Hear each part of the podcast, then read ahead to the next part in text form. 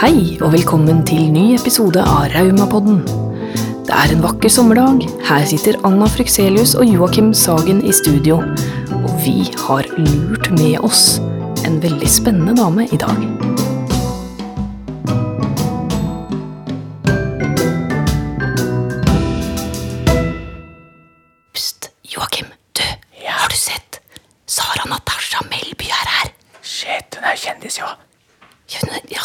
TV. Ja, ja. Ja. Back in the days.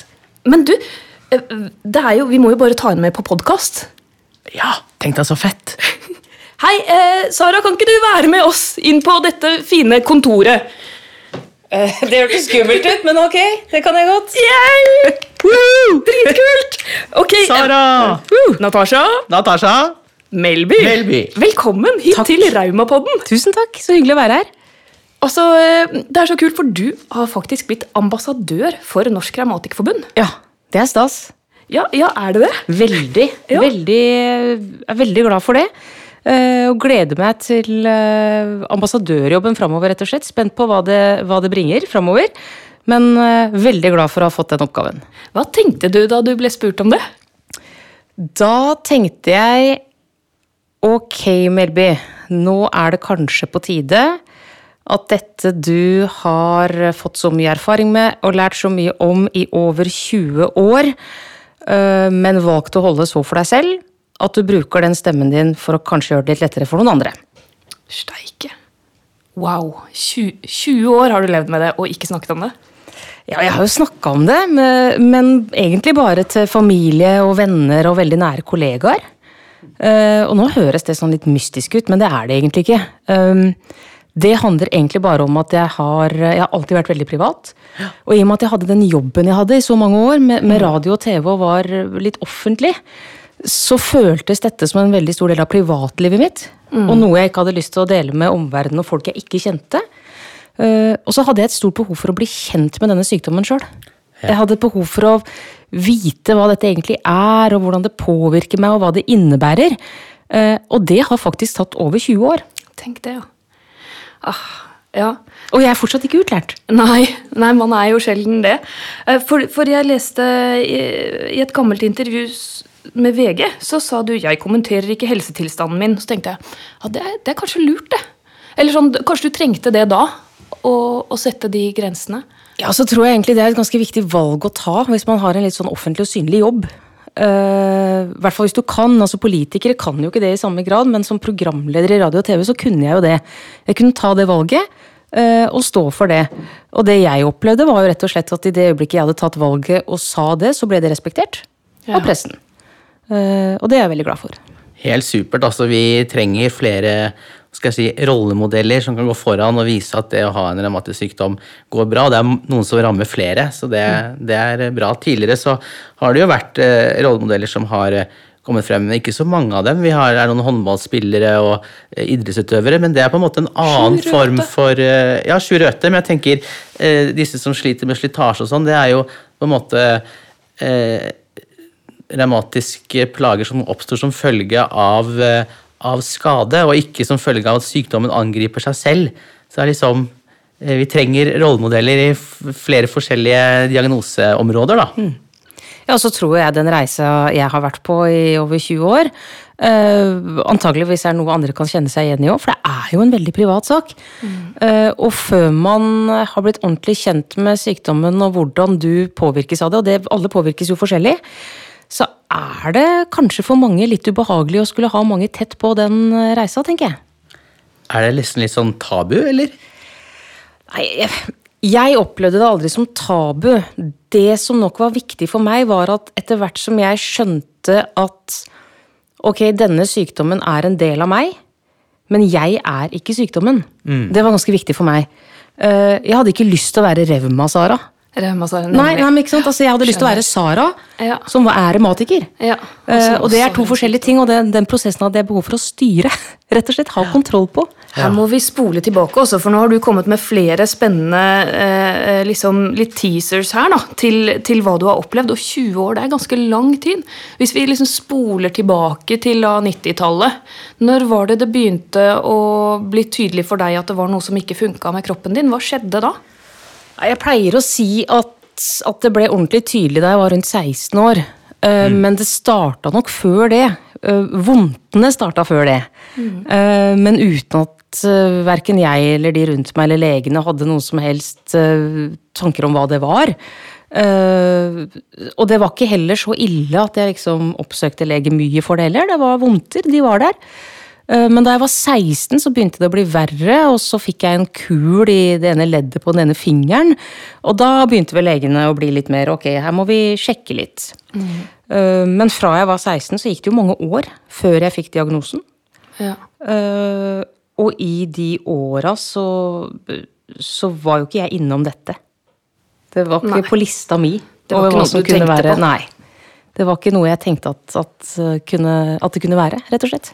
Ble det sånn at det brøt ut og ble akutt da etter noen år, eller, eller har det fortsatt sånn gradvis eh, Nei, Det var gradvis i noen år der, og så brøt det jo skikkelig ut for alvor, fordi jeg jo ikke hadde noen medisiner eller, eller noen behandling for det. Eh, og da ble jeg dårlig. Da ble jeg skikkelig dårlig. Eh, og da gikk det ganske raskt. Da ble jeg kjapt eh, sendt til spesialister og fikk diagnose ganske raskt. Og da var det leddgiktsdiagnose du fikk? Ja. For det kunne jo nesten vært barneleddgikt. Det er, er jo en egen diagnose som man får når man er opptil opp til type 16 år. Mm. Ja. Du var akkurat i, i grenseland, da, men det er ikke barneleddgikt? Det er ikke barneleddgikt. Nei.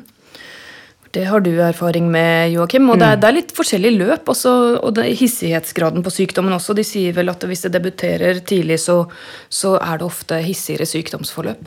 Ja, så litt uh, uflaks på en måte. For hadde det vært barneleddgiktsformen, så hadde den uh, betennelsen vært mye mildere i formen og uh, hadde ikke angrepet leddene like hardt. Og man har til og med en større sjanse for å vokse det av seg, da. Ja, riktig. Ja. Det visste jeg ikke. Nei. Nei, Grunnen til at jeg snakker litt ekstra om barneleddgikt, og, og når du sa 16 år, er fordi jeg jobber i, i Burg, da barne- og ungdoms revmatikergruppe. Ja. Mm. Det er, det, det er andre typer utfordringer eh, ofte som, eh, som barn og unge får. Men du var 16 da, da det liksom begynte, begynte å bli tydelig at det var et eller annet. Men når var det du måtte begynne med medisiner? Og var det liksom eh, ja, en kjip eh, Eh, Jeg starta vel på de første medisinene sånn i starten av 20-åra. Eh, og har jo, som sikkert mange andre, vært innom mye forskjellig på Ja. veien. Uh, Metotrexaten har vært med meg jevnt og trutt hele veien. Ja. Uh, og så har jeg prøvd forskjellige biologiske medisiner underveis. Hvordan uh, takler du å gå på metodexat? Det er en del som har eh, litt utfordringer med det. Ja, vet du, Der har jeg antageligvis vært ganske heldig. Mm. For store deler av tida har det gått ganske greit. Altså, jeg blir kvalm, eh, men det er jeg som regel Jeg tar de seint på kvelden, sånn for å sove av meg den liksom første kvalmen. Ja, Prøve på det. Ja. Eh, og så er jeg gjerne kvalm dagen etterpå, eh, men veldig sjelden sånn oppkastkvalm noen ganger. Eh, men det jeg opplevde for en tid tilbake, var at det var akkurat som om kroppen fikk helt sånn avasjon mot den medisinen. Eh, og jeg skjønte jo ikke hvorfor. Nei. For da var jeg liksom vant til å være litt kvalm i et døgns tid. Og så begynte jeg å bli kvalm i to dager etter at jeg hadde tatt sprøyta. Tre dager etter at jeg hadde tatt sprøyta. Og så skjedde det rare. Ja. Jeg begynte å bli kvalm dagen før Ja. jeg skulle ta sprøyta. Ok. Og da tenkte jeg ok, nå må jeg høre med dem. Hva, dette må jo være psykisk. Ikke sant? Uh, og det var ikke sant, bare lukta begynte Ja. jeg å Ja. liksom bli fysisk uvel av. Hørte om noen til og med blir litt kald med å se på fargen gul. Gulfargen! Ja. Å, fytti rakkeren! Og altså, dette hadde jeg jo aldri opplevd før, etter så mange år. Så Ja. det føltes jo veldig, veldig rart. Men da er det jo veldig godt å, å, å ha folk på sykehuset som kan si 'slapp av, dette er ganske vanlig'. Det er Ja. ganske At man får en sånn periode hvor kroppen rett og slett sier 'nja, dette er ikke noe'. Og bare det hjelper jo. Ja. Bare det å vite at ok, dette er normalt. Det er ikke noe ekstra galt. Jeg skal ikke skrive en ting til på lista nå. liksom. Nei, nei. Redsel for, Det er jo ikke så rart å være redd for å ta og sprøyte cellegift inn i kroppen. Da. Det er jo det det er. Cellegift. Ja, heldigvis veldig små doser da, i forhold til eh, de som er rammet av kreft og sånn. Ja. Ja, men hvis man forklarer det til ikke-raumatikere, da, folk som kanskje ikke 'Å, du har leddgikt, det har bestemora mi også.' Det fikk jeg litt grann når Ja. jeg eh, fikk diagnosen i, da jeg var 19. Og da mange av studievennene mine var sånn der 'Å, det har tanta mi'. Altså, ja, jeg må gå på Jeg må ta leddgikt hver uke. Nei, jeg må ta cellegift hver, hver uke. Da var de bare sånn 'What?' Men det er litt rart det du sier der, for det har jeg opplevd uh, flere ganger i løpet av de åra at hvis du forteller noen at du er revmatiker, altså jeg har leddgikt, så føler jeg vel veldig ofte at folk er litt sånn å ja, altså det men det ser da ut til å gå greit, liksom. Når jeg sier det, så sier så, så, så, Unnskyld, men det er bare, når jeg sier at det er litt, så sier sier ja, det har bestemor òg. Ja. Men så opplever jeg at, at hvis du da legger til Og for det må jeg ta cellegift hver uke. Da blir folk sånn Ååå! Wow. Enig! Sånn, da blir det plutselig ekte. Da Ja, blir det noe ordentlig du kan klage over. Nå er du syk, så- Nå er du liksom. syk, ja. Men jeg var jo i grenseland faktisk fra eh, penicillon og rett før byttet bytte mellom penicillon og gull. Så før tok man gull i kroppen. Jeg fikk gullsprøyter i rumpa! Gjorde det? Ja, ja, ja. Det gjorde vondt, Du må være mye eldre enn oss, Joakim. Nei, han er bare ungfole, vet du. Det er det. Nei, men disse medisinene, ja, eh, det, er, det, er en, det blir en del av livet, liksom. Også, og, og jeg syns det er så rart, da. Fra å og spesielt, Vi har alle da fått sykdom i, i ung alder og levd med det da i, i ung alder. At det, eh, det å navigere liksom ungdomstida når folk skal ut og feste, gå ut og danse, og du selv har liksom betente ledd om å gå med ergo eh, altså Jeg fikk sånn derre eh, fotspesielle Hva heter det? Fotsenger. Så jeg kunne ikke gå med de kule, høye skoene på byen, liksom. Eh, Jeg husker det var en kjæreste, han varte jo ikke lenge da, som syntes at det var så fælt at jeg hadde så hovne ankler. Det var så mm. elefantankler, liksom. Ja, sjarmerende. Ve- Veldig lite Det er veldig vanskelig å få forståelse for liksom Ja. Eh, sykdom når man er ung, da. Ja. Nakkekrage heller er ikke sånn spesielt i motebildet. Har det ikke vært de siste Er ikke ti det årene, i hvert sexy, fall. Burde liksom? ikke det komme tilbake? Jo, det bør komme tilbake. Ja. For det var litt inn på 80-tallet. Ja. med Whiplash, da var det litt inn. Fordelen er at man da, da, da får jo, man får jo sånne spørsmål. da, sånn, Hvor går det bra, og hva har skjedd? og sånn. Har man en hoven ankel som man kan skjule litt, så er det ingen som spør, spør om det. Og det er positivt og negativt, det. Går man og rasler med pilleglasset sitt eh, på lunsjen, så, så ser jo folk litt rart på det. Mm. Jeg ser jo det er en del som, eh, som eh, tar på seg en bandasje eller noe sånt. Men Kanskje ikke fordi det virker, men da får man en slags sånn vis, At man viser at man har sykdommen, da. Men, det er jeg jo, ja, men jeg tenker jo Ja. at det er noe av det som kan være vanskeligst kanskje med den sykdommen. At den er i stor grad for mange usynlig. Eh, ikke sant? Og det at du en dag eh, kan være med på den jobbfesten og ha det kjempegøy, men neste dag rett og slett ikke kommer deg ut av senga, eh, så er det jo dessverre veldig lett å bli mistrodd. Og det tror jeg kanskje kan være noe av det vanskeligste. Det at man hele tiden må forsvare. Ja. Og samtidig, samtidig som man har smertene og alt det andre disse sykdommene fører med seg, så skal man liksom ha litt den skyldfølelsen. Ja. Mm.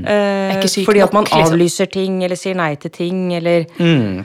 Eh, Ja, og det tror jeg jo rett og slett bare handler om kunnskap. At folk ikke vet. Ja, derfor så bra at flere Ja, snakker om sykdommen. og snakker Ja. om sykdom. Ja. Og det er en av kjepphestene mine som jeg drar inn eh, så, så ofte som mulig her. At det, vi må ikke kalle oss selv dårlige. Vi må ikke, når vi må avlyse ting fordi det gjør vondt, så skal vi ikke si 'jeg er dårlig i dag'. Det er ikke du som er dårlig. Sykdommen er mer aktiv. Ja, altså, du, du har en dag med mer sykdomsaktivitet, eller jeg bruker denne smerteskalaen. Nei, smerte på VAS eh, 7 eller 8, da må jeg avlyse. De nære vennene mine og familien vet det. At du er ikke dårlig om du er syk. Nei. Og det er sånn, Vi sier det alle sammen, også her på huset, og jeg møter jo revmatikere veldig mye gjennom jobben. Og alle sier det, da. 'Nei, jeg er dårlig, jeg er så dårlig, jeg kan ikke'. Nei, du er ikke dårlig. Du har en sykdom. Ja. Du er dritbra, du, som lever, og alt du klarer å gjøre med din sykdom. Det minner meg på når jeg startet min karriere i Norsk Revmatikerforbund. Helt i starten så reiste jeg rundt og holdt foredrag om lille Ole. Eh, han kom ikke inn noe sted fordi han var lav, da. Veldig lav. Eh, men med en gang man liksom eh, tilrettela med en krakk opp til, eh, opp til pulten og en snor i døra, så kom man inn overalt og kunne delta hvor som helst i samfunnet. Så konklusjonen var det er ikke lille Ole som eh, er for liten, det er samfunnet som ikke tilrettelegger bra nok. Du, du, en Bing, ligning. Og dagens Yes. Og så tilbake til dette her med sykdomshistorie. Vi alle vi kommer ikke utenom det. Vi treffer leger. Leger og helsepersonell blir en ganske viktig del av livet når man har en kronisk sykdom. Hva er ditt beste legeminne, Sara? Oi, mitt beste legeminne uh, Jeg har to. uh, men som kanskje ikke er gode minner på den måten som du sikter til. Men, men det ene uh, var en gang fastlegen min, og dette var da liksom etter hvert som det dukka, dukka opp ting med denne kroppen. da. Eh, hvor han sa at han på mange måter skulle ønske at Dr. House, altså fra denne TV-serien, var ekte, sånn at han kunne sende meg dit. For da hadde han fått en stjerne i boka hvis han kom med meg. Som eh, House hadde så mye morsomt å ta tak i. Eh, det syns jeg var en fantastisk måte å ta det på, for det, det smitta jo over på meg. Humor og Ja, nysgjerrighet. Og dessuten så elsker jeg Dr. House, så det hadde ja, ja. vært helt strålende. Og den andre, eh, det er ganske mange år siden, og en av de aller første gangene jeg fikk regnbuehinnebetennelse. Ja. eh, hvor jeg jo hadde vært hos lege og fått litt dråper, og de var ikke helt sikre på hva det var. Og, dette var i julen, så jeg reiste hjem til Porsgrunn for å være sammen med familien min. Men hadde fått veldig klar beskjed om at hvis det ble verre, så måtte jeg komme rett opp på Ullevål. Eh, og det ble det jo. Eh, så får jeg bare som en slags advarsel, dette er ikke å anbefale, men der og da føltes det helt naturlig å sette seg i bilen og kjøre fra Porsgrunn. Uh, burde jeg nok ikke ha gjort, men jeg gjorde nå en gang det, og kom til eh, Ullevål, tror jeg type første juledag. Uh, og kom jo rett inn der, og etter litt undersøkelser så sier jo legen uh, det er rett og slett gikt i øyet. Tenk. Og det hørtes ut som en KLM-sketsj. Altså, da begynte Ja. jeg å le. For det, altså, det i hørtes ut som han tøysa. ikke sant? Ja, ja, ja. Gikt i øyet, det er en dårlig KLM-sketsj. Ja. Eh, men så satte han seg ned og forklarte ikke sant, hvordan dette kunne påvirkes, og at denne regnbuebetennelsen rett og slett er et del, en del av mitt sykdomsbilde. Eh, og det var også en sånn veldig sånn grei måte å få det på.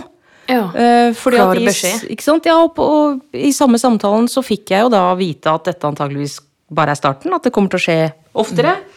Og at du må forberede deg på det. Og det er jo sinnssykt vondt. Ok, jeg har aldri hatt det. Aner ikke. Altså, Alle som uh, har regnbuebetennelse, dere har så lov til å klage.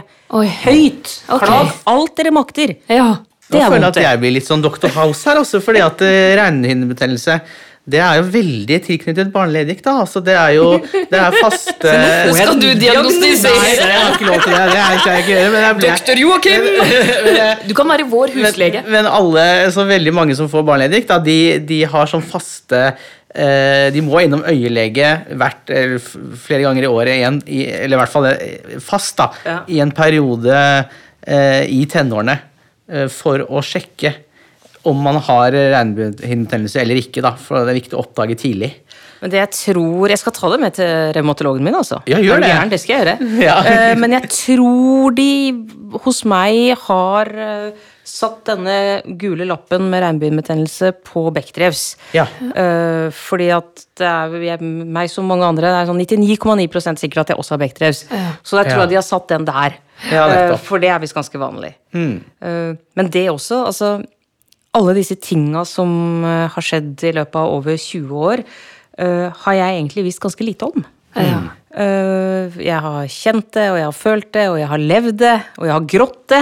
Ja. Eh, men jeg har vært litt opptatt av å ikke vite så mye. For du har en interessant mestringsstrategi.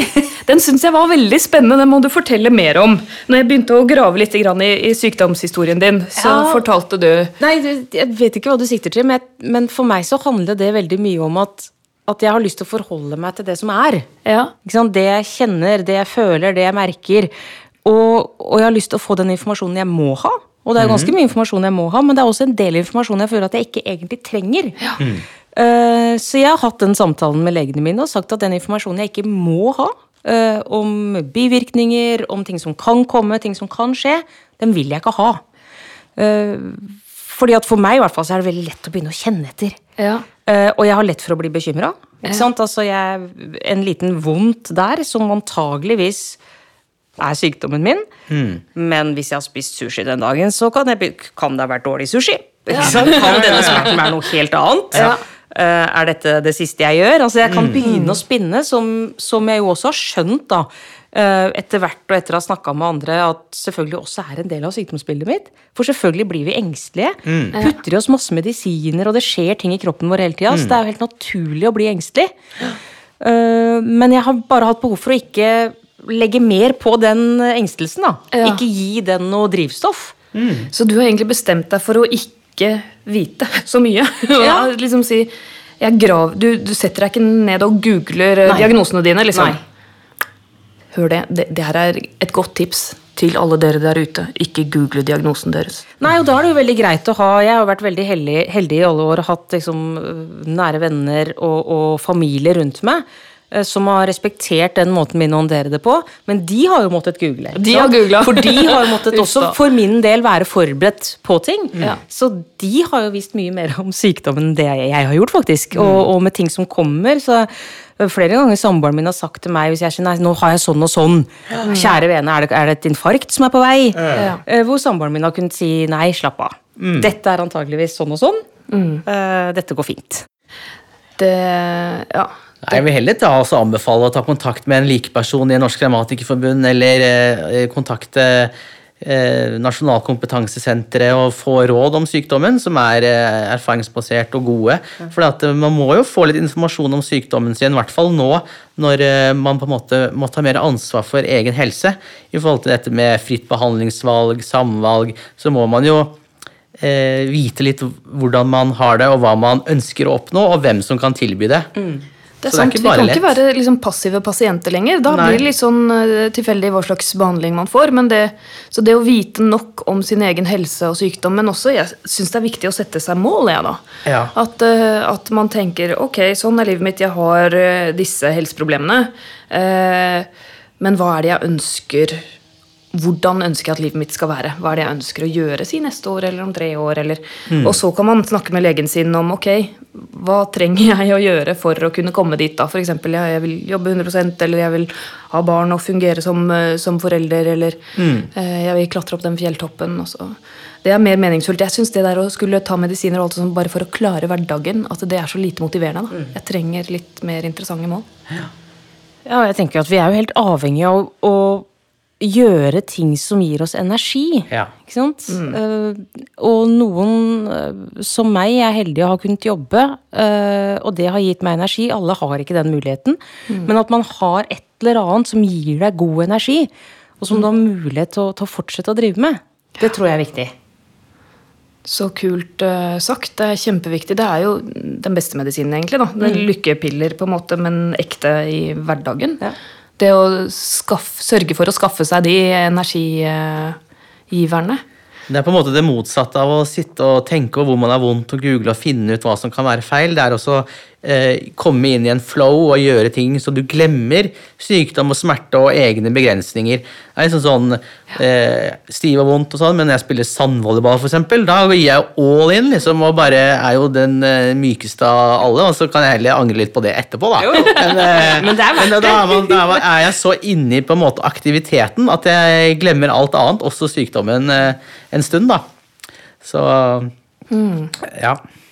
I, I dag, nå eh, 20 år med sykdom, og jeg, jeg skjønner at du har vært gjennom eh, sikkert gode og dårlige perioder i løpet av de 20 årene, men hvis vi ser på livet ditt i, i dag, Sara, er det hva, Hvordan påvirker sykdommen livet ditt nå? Jeg påvirkes jo selvfølgelig av det, det vil jo være løgn å si noe annet. Eh, Men jeg lever veldig godt med det. Eh, Selvfølgelig fordi jeg har eh, medisiner som fungerer bra. Men kanskje like viktig, vil jeg si, fordi at jeg har folk rundt meg.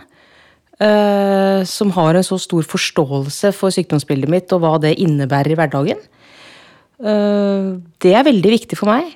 Og det handler jo igjennom, som vi snakka om litt tidligere, dette med altså å si nei til ting. For noen ganger så må du rett og slett si nei til ting. Eh, og da jeg var yngre, så syntes jeg det var ekstremt ubehagelig. Og følte meg nesten litt sånn mistenkeliggjort de gangene jeg gjorde det. Eh, og det er jo en av de gode tinga med å bli voksen, da. Ja. Eh, som jeg tenker og håper at jeg som ambassadør for NRF får muligheten til å snakke litt med de barn og unge. Eh, med, med dem om det. fordi at det er jo noe som kommer etter hvert, men som jeg tenker at det er viktig at vi planter litt eh, hos dem. Mm. og de skal kvitte seg litt med den der skyldfølelsen og kvitte seg litt for redselen for å bli mistrodd, selv om det garantert kommer til å skje. Mm. Vi må ikke ljuge, det kommer til å skje. Du kommer til å bli mistrodd av gymlæreren. Du kommer til å bli, liksom. Du- Det kommer til å skje mange ganger. Men gi dem litt verktøy for å møte det. Eh, for det er noe som kan merke deg ganske kraftig. Eh, hvis du får med deg litt for mange sånne fra, fra barndom og ungdomsår. Mm. så det å, å bli voksen og stå godt i seg sjøl og vite at de rundt deg vet. mm. ikke være redd for å sende en tekstmelding og si 'vet du hva, i dag kommer ikke jeg'. Mm. det går rett og slett ikke. Kroppen er ikke med.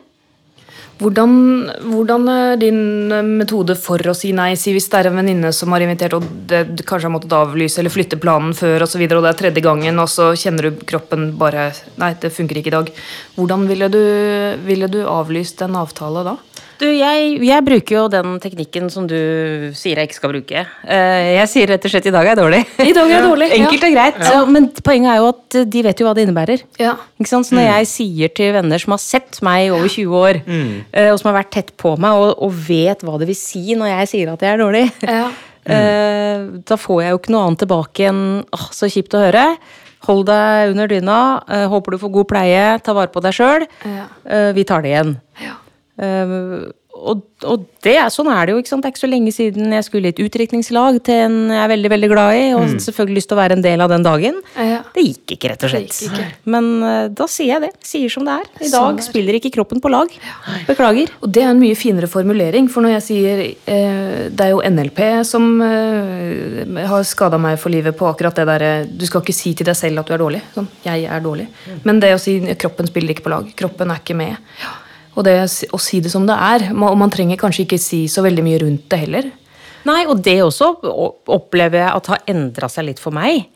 Fordi at før så hadde jeg et veldig sterkt behov for å forklare masse. Ja. Altså, jeg Ja, kunne ikke bare si at- kroppen spiller ikke på lag. Ikke sant? Ja. At det er litt sånn, du vet, været har vært opp og ned i det siste. Ja, Det har Og jeg har påvirket, ikke fått eller ja, ikke sant, sånn og sånn. Og kanskje til og med si jeg var på jobb i dag, men i løpet av ettermiddagen har jeg Så han skulle forklare en hel masse for å rettferdiggjøre det. Ja. Det gjør jeg ikke lenger. Nei. Så kanskje vi skal ha en sånn workshop hvor man får øve seg på å si nei? Det hadde vært kult. å samle en gjeng grammatikere. Nei, som bare- det syns jeg ikke. Hey, ti poeng, ti poeng! Den var veldig bra levert. bra, altså.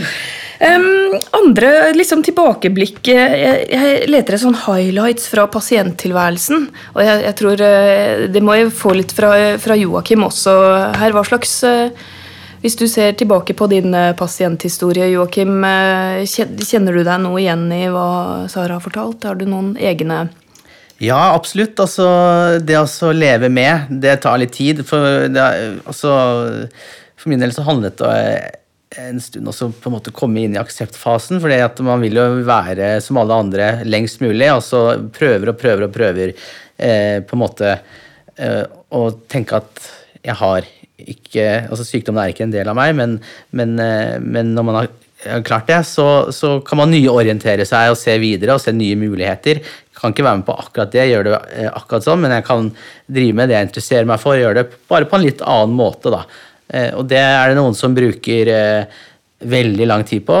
Kanskje er i den, kall offerrollen nesten hele livet, mens andre kommer veldig fort inn i en sånn nyorienteringsfase. Da. Jeg brukte ganske lang tid på det, egentlig, men har lært mye. Og så nevnte dette med å ta til seg absolutt nødvendig informasjon. Vi ser jo det eh, på barnerevmatologiske avdelinger og sånn, at, at man får utdelt hefte om Burg. Noen ringer eh, og tar kontakt med oss med en gang, mens noen har den mappa liggende der i fem år eller noe, og så eh, eh, ringer man. Og jeg tror egentlig det også melder seg inn i en, en slags klubb som vi er da, med syke. Det er det vi absolutt ikke er, men det er det kanskje nysyke tror. Og det å ta skrittet og bli en del av en pasientorganisasjon, det er også det samme som å komme inn i akseptfasen. Og så skjønner man at det er jo ikke sykdomsfokus, det er jo løsninger, det er jo eh, mestring, det er nyorientering.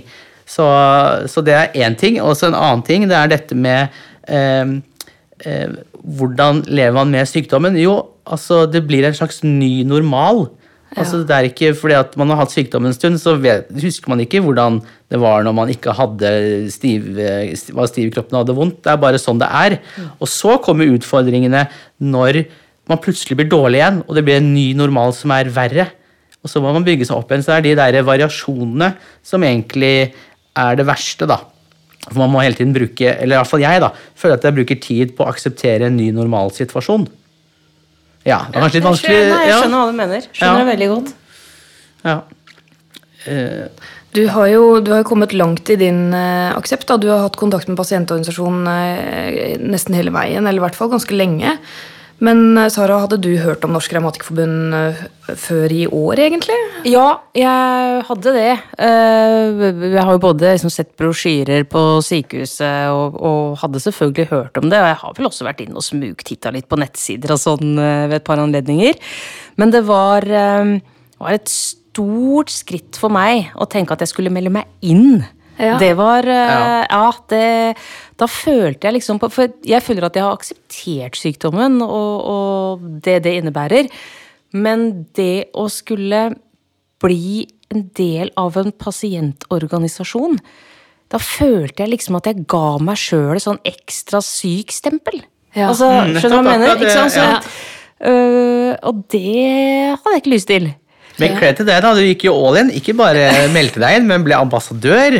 Må gjøre det skikkelig en først skal. Ja, ikke sant? Men det er også litt morsomt for mitt første møte, bortsett fra litt smugtitting på, på nettsidene, og at jeg hadde snakka med noen av dere her i forbindelse med at jeg skulle bli ambassadør. Min første ambassadørdag var jo på NRF-dagen. 15. mars. Uh, ja.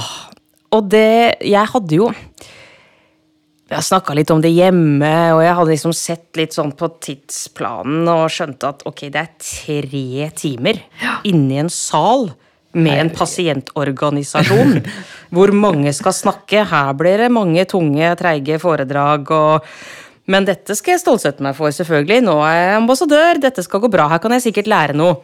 Så jeg gikk inn den dagen med den holdninga. Eh, sikkert både urettferdig og veldig negativt, men det var litt sånn det var i meg. Eh, og jeg hadde jo ikke maskara igjen etter de tre timene, for jeg lo jo omtrent fra jeg satte meg ned til jeg gikk. Samtidig som jeg lærte masse på de tre timene, fikk masse informasjon, fikk møte masse fantastiske mennesker. Eh, jeg ble henta utenfor det var fer- da det var ferdig. Jeg tror eh, samboeren min hadde forventa å få en litt sånn sliten, tung eh, Ok, du klarte, du kom deg gjennom. Ja. Eh, og fikk jo i stedet en sånn adrenalinhøy Melby i bilen. Ikke sant? Som Ja. hadde hatt det så morsomt. Eh, så det er jo et eller annet med at man lager seg noen bilder oppi hodet. da. Ja, nettopp. Som jeg tror er ganske naturlig å gjøre også. Ja. For bare ordet pasientorganisasjon er jo ikke spesielt sexy i seg sjøl. Du tenker jo her skal de sitte i ring og holde hender og snakke om hvor Ja, ja. vondt de har Hvor det. vondt vi har det. Ja. Eh, Men nå er jo jeg sannhetsvitne på at virkeligheten er noe helt annet. Absolutt. Usynlig syk-dagen vår var eh, Det var en liten medisinpille i seg selv, tror jeg. Også. Jeg også lo så sjukt mye den dagen. så det, Det var en veldig veldig fin dag. Jeg gleder meg allerede til neste gang. Mm. Så kult! Ja, men eh, det det var en bra start på din eh, ambassadørtilværelse. Hvilke andre forventninger har du til å være ambassadør for Norsk Grammatikkforbund? To ting, egentlig.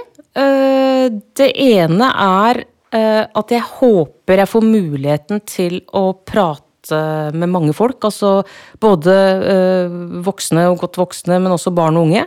Det burde vi kunne Ja, sørge jeg, for. har- jeg har lyst til å ikke sant? Jeg har jo tilegna meg ganske mye erfaring i løpet av disse åra. Uh, prøvd og feila og tenkt og gått ned og kommet opp igjen. Uh, og også klart å finne noen verktøy for mestring, som i hvert fall funker for meg. Så er det ikke gitt at det funker for alle andre, men jeg tror i hvert fall det er verdt å snakke om det og fortelle om det. Mm. Så det håper jeg får muligheten til, og ser fram til det. Og det andre er jo sånn rent personlig, hvis den egoistiske Sara skal få snakke litt. Jeg tror jeg kommer til å lære ekstremt mye Ja. eh, av eh, ambassadørjobben, så det ser jeg også fram til. Et annet eh, tema når vi snakker om å leve med kronisk revmatisk sykdom, noe som eh, eh, veldig mange sliter med, er det å kombinere jobb og, sykdom. Rett og slett hvordan klare å fungere i jobb. Og du har jo hatt en eh, karriere ganske utenom det vanlige, får man si, som programleder for hundrevis av direktesendte TV-programmer og nasjonale Du har sikkert truffet masse spennende folk også, med kameraer på deg hele tiden. Hvordan var det å leve med denne sykdommen i den rollen? Nei, der også måtte jeg ganske tidlig ta et valg, da. Eh, for jeg elsket jobben min. Mm. det ga meg masse energi. Eh, så det var viktig for meg å kunne fortsette med det. Eh, og det viktigste i jobben min som programleder var jo hodet mitt og kjeften min. Og de var ikke noe gærent med. Eh, Så da handla det jo om å prøve å tilrettelegge litt på, på andre områder. Ikke sant? Sånne enkle, idiotiske ting som at man på et stort liveshow gjerne har pen kjole og høye hæler. Oh ja, høye Ja, hæler. sant? Så har man uh, pen kjole og Converse i dag, da. det er litt? Det, altså, man, sant? man må bare finne noen sånne små eh, løsninger. Ja, som faktisk Eh, gjør stor forskjell. som gjør en, en stor forskjell. Uh, og så har jeg hatt eh, fine folk rundt meg. Hatt eh, forståelsesfulle kollegaer, forståelsesfulle sjefer. Eh, og det mest synlige, kanskje, var eh, Det tror jeg var i 2001, eh, hvor vi skulle ha Fadderaksjonen. Uh, hvor vi da hadde to store studioer. Det ene studioet var fullt av publikum, og der skulle jeg gjøre alle hovedintervjuene. Mens i det andre studioet var telefonpanelet, som Ja. skulle ta imot telefoner fra alle de som ville være faddere. Uh, og da eh, skulle jo jeg løpe mellom disse to studioene. Oh. I ganske sånn øh, kjappe intervaller, fordi at det var ikke så mye som skulle skje av et innslag for eksempel, som ble sendt fra jeg var det ene stedet til jeg skulle være det andre. Det var sånn så og så mange sekunder å komme deg fra. Ikke sant? Ja. Uh, og det hadde jo gått helt fint på alle prøvene og sånn dagene før, men den dagen vi skulle ha denne livesendingen, så var jeg rett og slett skikkelig dårlig og kunne ikke gå. Au. Eh, og jeg prøvde å skyve det foran meg og tenkte på et eller annet vis så må jeg bare klare det. Eh, og så satt jeg i sminken. Så kom produsenten min, eh, Geir Bie, inn med to sånne svære branner av noen karer. Okay. Og jeg kikka litt i speilet og tenkte ok, hva skjer nå? Og så sier han disse er til deg. Så sier jeg hva? Gavepakke!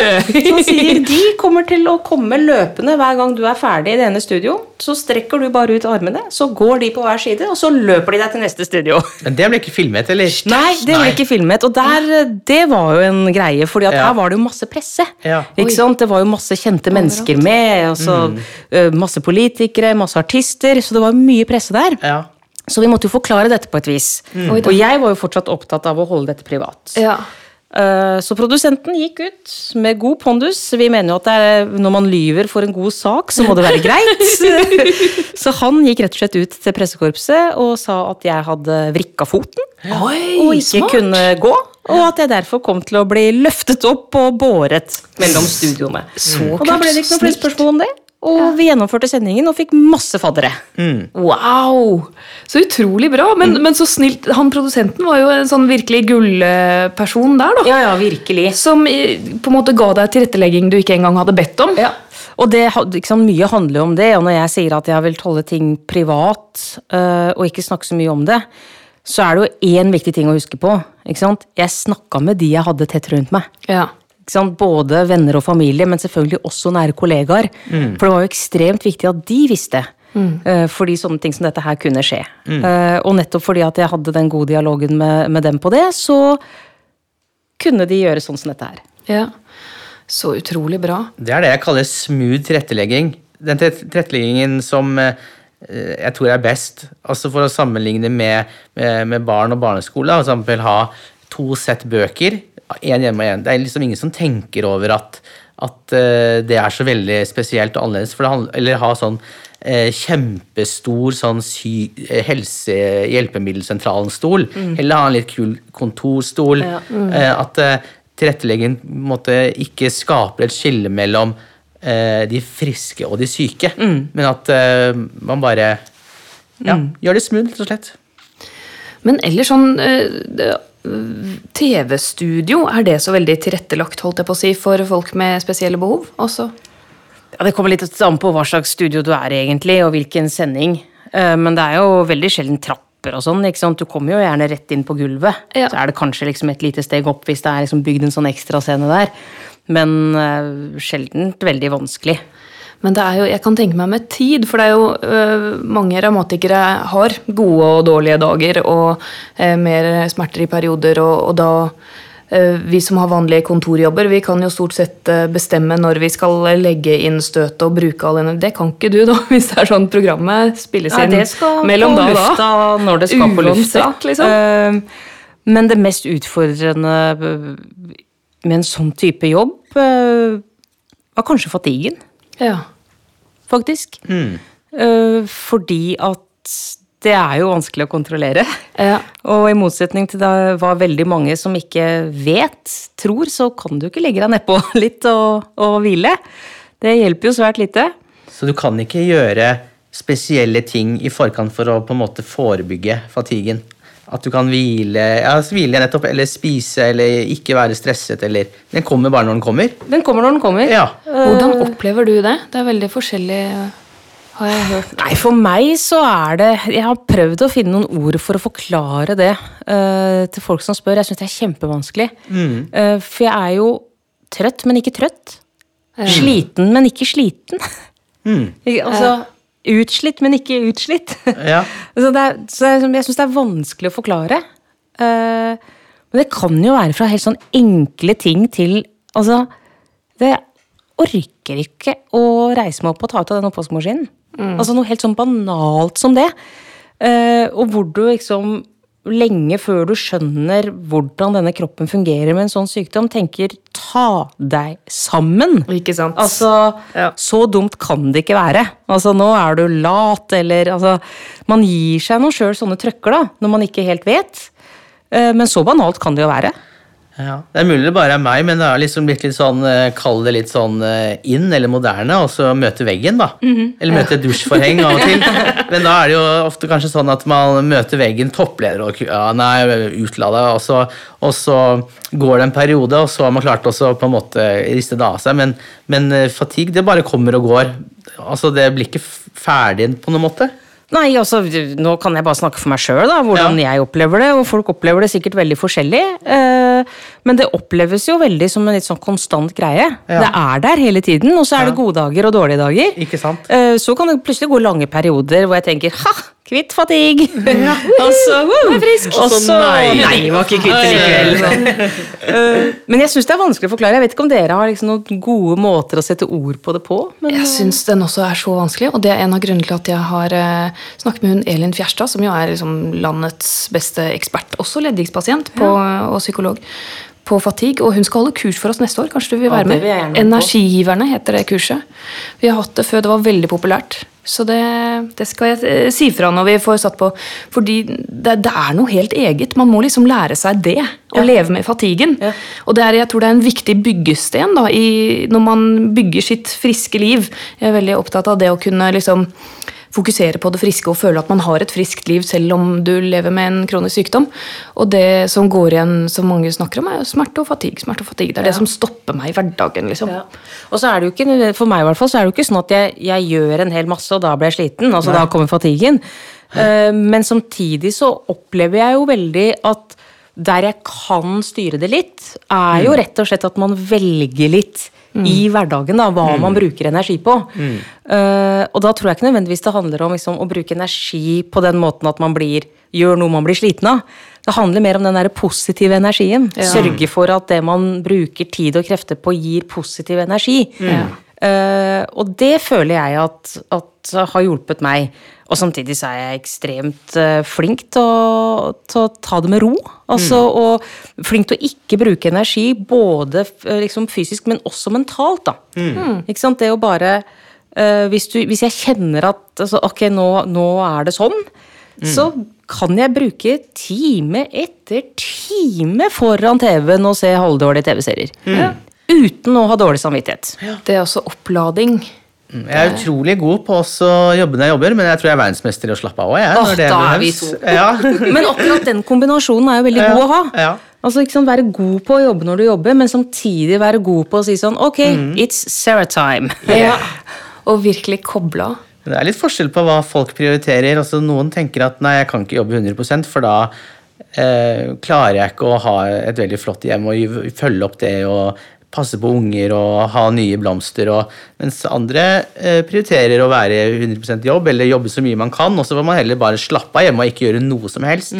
Så det må man finne litt ut av, tenker jeg, hva som er viktigst for, eh, for den enkelte. Ja, rett og slett. Ja. Og bare innrømme det, det å ha et ryddig hjem og perfekte cupcakes, det er ikke veldig høyt på min eh, liste.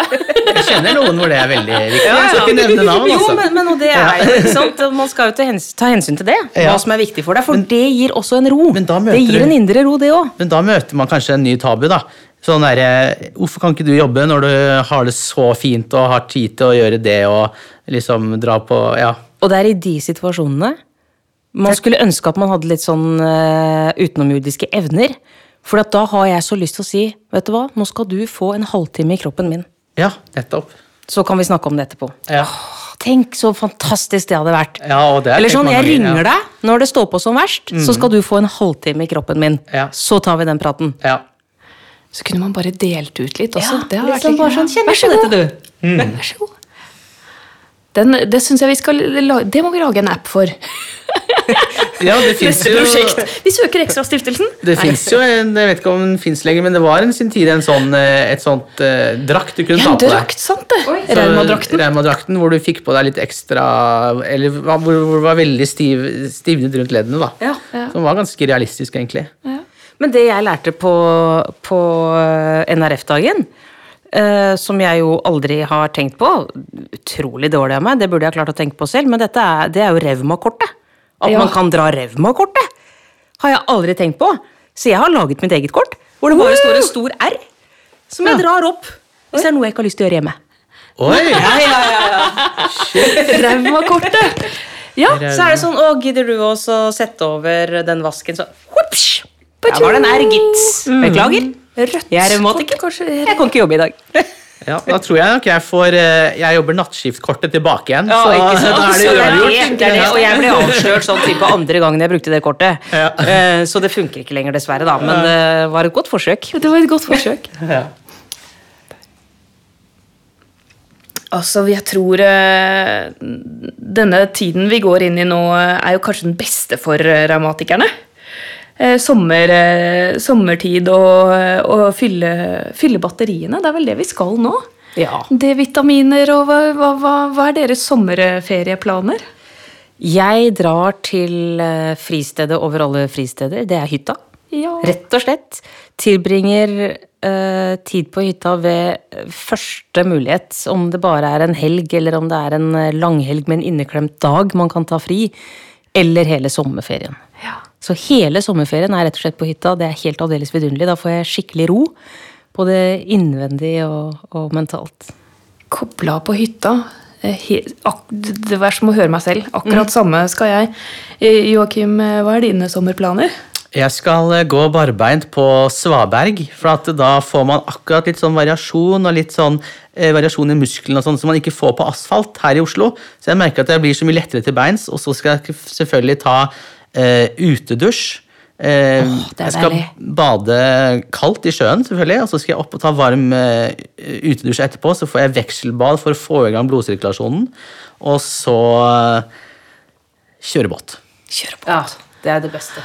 Her har vi mange gode sånne energipiller klare for å, å samle, samle krefter. Da ønsker jeg dere lykke til med sommerferieoppsparing, og tusen takk for at du ble med på denne veldig, veldig uplanlagte podkastinnspillingen, Sara. Dette var veldig, veldig hyggelig, så neste gang jeg er her, må dere bare rope igjen, så kommer jeg. Hurra! Så bra. I dag har vi hatt kaffeslabberas med Sara Natasha Melby og pratet om livet med kronisk revmatisk sykdom. Tusen takk til Podmaster som har fiksa lyden.